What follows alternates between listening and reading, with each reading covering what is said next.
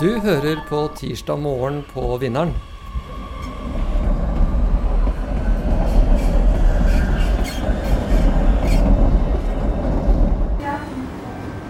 God morgen. Jeg heter Per Truve Hoff. Jeg er en ganske fersk eh, leder for Høyres eh, eh, finansfraksjon. Og er også nestleder i finanskomiteen, eller Finansutvalget, som det heter i bystyret i disse dager. Velkommen til Tirsdag morgen på Vinneren. Dette er en kjapp og uformell samtale om et aktuelt tema eh, hver tirsdag klokken 8 til 8.20 her på Baker Hansen på Vinneren, og med strømming til Vestre Aker Høyres Facebook-side. Mitt navn er Ola Peter Krohn Gjessing. Eh, I dag har vi besøk av Per Trygve Hoff, som er nestleder i Finansutvalget i Oslo bystyre, og Høyres talsperson på finans i, eh, i bystyret. Eh, og temaet i dag er spørsmålet om hvor bærekraftig Oslo kommunes økonomi er. For det er jo en spesiell situasjon med, med pandemi, med spesielle med høye kraftinntekter, eh, og med kanskje økte ambisjoner for hva kommunen skal gjøre. Så da er det sånn at dere som følger strømmingen, kan være med i samtalen ved å bruke kommentarfeltet til å stille spørsmål. Og det kan dere bare begynne med med en gang. Og da spør jeg deg, Per Trygve Hoff. Eh, du er relativt ny da, i rollen som nestleder i Finansutvalget. Og fra ditt perspektiv, hvor bærekraftig er Oslo kommunes økonomi? Det er et godt og viktig spørsmål eh, som eh, jeg ble nokså eh, nok både opptatt av og forskrekket over å se da jeg kom inn i bystyrets eh, finanskomité i høst. Jeg kommer eh, fra et eh, konsulentselskap som jobb, har, de, har de siste 20 årene jobbet med kommuneøkonomi og ledelse og styring i kommuner og stat i hele landet. Og har jo øh, syns det var ekstremt moro da, å få lov til å komme inn i finanskomiteen. Um, og det de fleste sikkert har fått med seg, er at uh, Oslo frem til nå har hatt en uh, solid økonomi med en relativt beskjeden gjeldsgrad. Uh, og en økonomi som da nåværende byråd har arvet etter mange år med Høyre-styre. Men prognosene fremover, som har vært omtalt i avisene, viser jo at altså gjeldsgraden i Oslo kommer til å øke, ifølge byrådets eget budsjett, fra ca. 50% de siste årene til nesten det dobbelte. Over 90% med de planene byrådet, dette byrådet har. De første årene så, så vi et byråd som mange av oss syns brukte penger på mye rart, og kanskje mye symbolting som vi lurte på om det var så lurt. Men det vi ser nå, er jo et byråd som i mye større grad eh, bruker penger på ting som binder kommunens økonomi, og eh, øker gjeldsgraden foruroligende fremover. For det som skjer når gjelden øker, er at eh, renter øker, og avdragene øker. Og det som er igjen av eh, frie midler for kommunen til å bruke på ting man har bruk for, blir jo tilsvarende mindre. Så det er alvorlig. En annen ting eh, som vi så i høstens budsjett, som er det første budsjettet jeg fikk ansvar for å legge frem et eh, alternativt Høyre-budsjett, sammen med, med, resten av bystyregruppen selvfølgelig, var at eh, byrådet eh, ikke bare bruker eh, det de kan få av penger, men eh, de, de legger seg opp, også altså opp til en, et forbruk som så vidt balanserer det ligger noen nøkkeltall for hva som er sunn kommuneøkonomi med et lite positivt eh, overskudd, som bør ligge i bånn for å kunne håndtere usikkerhet og for å kunne håndtere ja, For å hindre at gjelden da stadig vekk øker. Eh, dette byrådet klarer ikke å møte engang bystyrets eh, krav på en høyst beskjeden driftsmargin på halvannen prosent. Det ligger på så vidt over 1% i år, og i løpet av de neste tre-fire år vil byråd, dette, dette ja, kommunens budsjett gå i null altså om, om fire-fem fire, år. Og hvis vi da ikke fortsetter å få lottogevinst hvert år, som årets strøminntekter er, så, så, så, så går, går, vi minus, og da blir budsjettet ulovlig, rett og slett. I, I, det budsjettet som vi nettopp har vedtatt mot Høyres eh, Altså, vi hadde et annet budsjett. Så eh, forskotterer byrådet et forventet økning i strøminntektene eh, på 1,6 milliarder kroner, som går rett inn i, i budsjettet. Og disse midlene brukes også til å opprettholde eh, det høyt forbruk i de årene som kommer, hvor man ikke kan forvente like høye inntekter. Uh, og det er bekymringsfullt. Det kan gi oss en jojo-økonomi hvor uh, uh, kommunens sysselsetting går opp i gode år, og så må man si opp folk igjen når man ikke har penger til det. Det er jo ikke bra. Eller så må man eh, spise enda dypere av eh, Lånekassa, og, og gjelden øker tilsvarende. Nettopp. Ikke bra. Og eh, Du nevnte her da at eh, denne gjeldsgraden er på mm. vei opp fra eh, rundt 50% til 90% og det, det er gjelden eh, delt på driftsinntektene til kommunene. ikke sant? Så det er så hvor mye av si, en samlet årsinntekt som man har i gjeld. Og, og, i kroner og øre, hva, hva innebærer dette her? Hvor store er tallene? Ja, kommunen har ca. 70 milliarder kroner i driftsutgifter. Men så har man kommunen også noen inntekter. Så netto driftsutgifter er rundt uh, vel 50 milliarder kroner. Det, kommunen leier ut noen leiligheter, det er noen egenandeler, det er litt sånne ting som gir, også gir inntekter. Ehm, eiendomsskatten er en uh, viktig inntekt for kommunen, men den utgjør ikke mer enn 1,750 eh, milliarder kroner av, av dette. Uh, til sammenligning så er altså byrådet lagt inn 1,6 milliarder i forventede strøminntekter fra Hafslum og Fortum i, i dette året. Det er også småpenger. Den største inntektskilden for kommunen det er formues- og eh, inntektsskatt eh, på rundt 40 milliarder. Og så er eh, rammetilskudd, som er altså litt av de skatteinntektene, sentrale skatteinntektene som vi er nødt til å gi fra oss til resten av landet, får vi litt tilbake igjen. Og det er rammeinntekter på rundt 10-11 milliarder kroner. Det er størrelsesordnene. Så, så formues, inntektsskatt er veldig viktig. Og som Høyremann, som er opptatt ikke bare av eh, dagens budsjett, men uh, helheten og fremtiden, så betyr det at uh, de må være opptatt av en befolkning som gir kommunene en sunn økonomi også i tiårene som kommer. Da er befolkningsutviklingen viktig. Har vi en befolkning som fortsatt betaler formuesskatt og evner å betale inntektsskatt, tilstrekkelig nok til å er økt behov for eh, eldreomsorg og, barnehager til de unge. Det, sånn må man tenke nå. Så budsjettarbeid og økonomiarbeid er jo er altså mer enn bare årets budsjett. Det er rett og slett å tenke hvordan, hva slags utvikling vil vi ha i, i, i byen vår. Eh, dessverre så foregår budsjett- og økonomidebatten veldig, veldig, veldig kortsiktig. Nå har vi fått litt ekstra penger, nå har vi fått litt ekstra strøm. Hva kan vi bruke det til fortest mulig for å hjelpe flest mulig? Det er gjerne det det dreier seg om. Uh, det, men det som, når, det, når, det, når, strømmen har blitt så dyr som det er i dag, og, og folk sliter og har problemer med det, så må man selvfølgelig også se på det. Eh, I det som ligger inne i budsjettet i dag, så har byrådet brukt opp de pengene til andre ting. Så får vi håpe eller på den ene siden får vi håpe ikke strøm, strømprisene fortsetter så høyt som de gjør.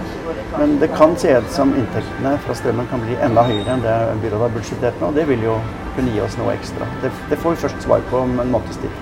Nettopp. Ja. Mm. En, en, ting er jo å være opptatt av eh, kommunens eh, balanse og etter hvert gjeld, og ønske at det skal være annerledes. Eh, men det andre, det, det andre, er jo da hva, hva Høyre gjør for å sikre en bedre eh, Eller for å bidra til en bedre budsjettbalanse eh, som vist i Høyres budsjett, dersom det hadde blitt gjennomført. Hva, hva er det Høyre gjør som er annerledes, og som vil eh, gjøre denne situasjonen forskjellig fra det vi ser i dag? Ja, Vi jobber jo med et budsjett vi vet stort sett blir nedstemt, for å vise at vi kan styres annerledes. Det har vi gjort også i år. Og det vi viste, var at eh, det er mulig å prioritere pengene veldig mye bedre enn det byrådet gjør. Vi kan sette av eh, mye mer penger til skole, som er viktig for oss. Bedre skolebygninger. Penger til lærerne. Vi satte av mye mer penger til miljøtiltak, som vi også er opptatt av, men tiltak som er mer enn symboltiltak, men som vi mener virker, er effektivt. Og vi har penger til eh, å hjelpe unge og de svakeste, eh, som eh, også for penger. Og så kutter vi og flytter på penger, selvfølgelig. Vi altså prioriterer midlene mye, mye sterkere. Og så forutsetter vi at uh, budsjettet ikke bare behøver å øke, at, at, ting, at, kommunen blir ferdig med oppgaver og kan altså effektivisere og kutte litt der hvor man kanskje har, har gjort ting ferdig. Så vi la frem et budsjett med en bedre balanse, større evne til å nedbetale gjeld, og som også uh, begynner å kutte i private uh, bolig, eiendomsskatten, som, som vi har på vårt program å, å redusere. Nettopp. Fjerne på sikt. Og når det da gjelder det skal vi si, uh, underliggende forholdet her, må, måten kommunen driftes på Det står jo bl.a. i Høyres budsjett at uh, Oslo på mange måter driftes mye dyrere enn en kommune som Trondheim f.eks. Så hva, hva, hva, er det disse forskjellene ligger i? Ja. Det rådgivningsmiljøet jeg kom fra i høst Jeg hadde jo en fulltidsjobb der frem til desember i år, faktisk. Eh, leverte en spennende rapport i fjor eh, som sammenligner eh, økonomi eh, i, i, kommuner, i, alle kommuner. Og eh, det er ikke så lett å sammenligne Oslo med noen andre kommuner i landet, for vi er så store og har så mye rart og er spesielle. Men altså justerer man for størrelse, for befolkningssammensetning eh, sosiodemokratiske forhold, geografi, en rekke slike ting, så er det likevel å mulig å sammenligne kostnader per leverte tjenester per innbygger, kan du si da, for hodet. Og Så ganger du det opp med størrelsen på, på, på kommunen igjen, så får du en indikasjon av hvor, hvordan Oslo ligger an. Og de analysene viser at uh, Oslo driver ikke spesielt bra. Uh, de, vi, vi, leverer uh, altså, Trondheim hadde vi hatt kostnadsnivået som Trondheim har på å levere tjenester, i forhold til altså, ganger opp med størrelsen, så driver vi 5 milliarder kroner dyrere enn måten Trondheim driver på. Og 3 milliarder dyrere enn Bergen driver på. Og så har er det noe som heter Kommunebarometeret, som Kommunal Rapport KS eh, leverer. Mye av tallene våre baserer seg dels på det, og dels på vanlige koster og data som kommunene selv leverer inn viser at heller ikke kvaliteten på tjenestene i Oslo er bedre. Den er høyst middelmådig. Høyst middelmådig kvalitet og altså høyst middelmådig effektivitet å levere tjenestene på. Og det overrasket meg, som kom inn altså en svær, den største kommunen i landet, som har skrytt av å være profesjonell og best i klassen. Det er vi ikke. Og, og, og, og det, er, og, det blir jo ikke effektivt hvis ikke du har en god styring på toppen som stiller krav til uh, organisasjonen sin. Um, der er nok Høyre uh, flinkere til å styre enn det uh, dette byrådet er. Ja, og kanskje, Hvis jeg ja. følger opp det litt, altså, hvor, kan du si litt mer om det? Altså, hvordan er Høyre bedre på dette? Altså, hva er det Høyre gjør, tenker annerledes om? Vi har sett mange eh, skremmende eksempler på at byen ikke styres så veldig godt i dag. F.eks. Eh, den store vannsaken. Den største investeringen Oslo eh, har gjort på veldig mange år, kanskje noen gang. Å få inn reservevann fra, fra Holsfjorden og Kurefjorden. Eh, har gått på budsjettsprekk etter budsjettsprekk. Enorme ekstra kostnader som viser altså et, eh, et, et, byråd som ikke har fulgt opp uh, og styrt og presser gjennom uh, uferdig behandlede planer til bystyret. Det kommer til å påføre våre innbyggere store ekstra kostnader. Og det er kostnader som veltes direkte over på innbyggerne gjennom vannavgiften. Det er ikke bra. Altså, og, um, ja. Nei, så et, et, og vi har hatt, uh, hatt eksempler på arbeidsmiljøer òg, som ikke har vært fulgt godt nok opp. Altså eksempler på en, en ledelse som tar for gitt kanskje at, uh, at uh, byråkratiet gjør det byråkratiet skal.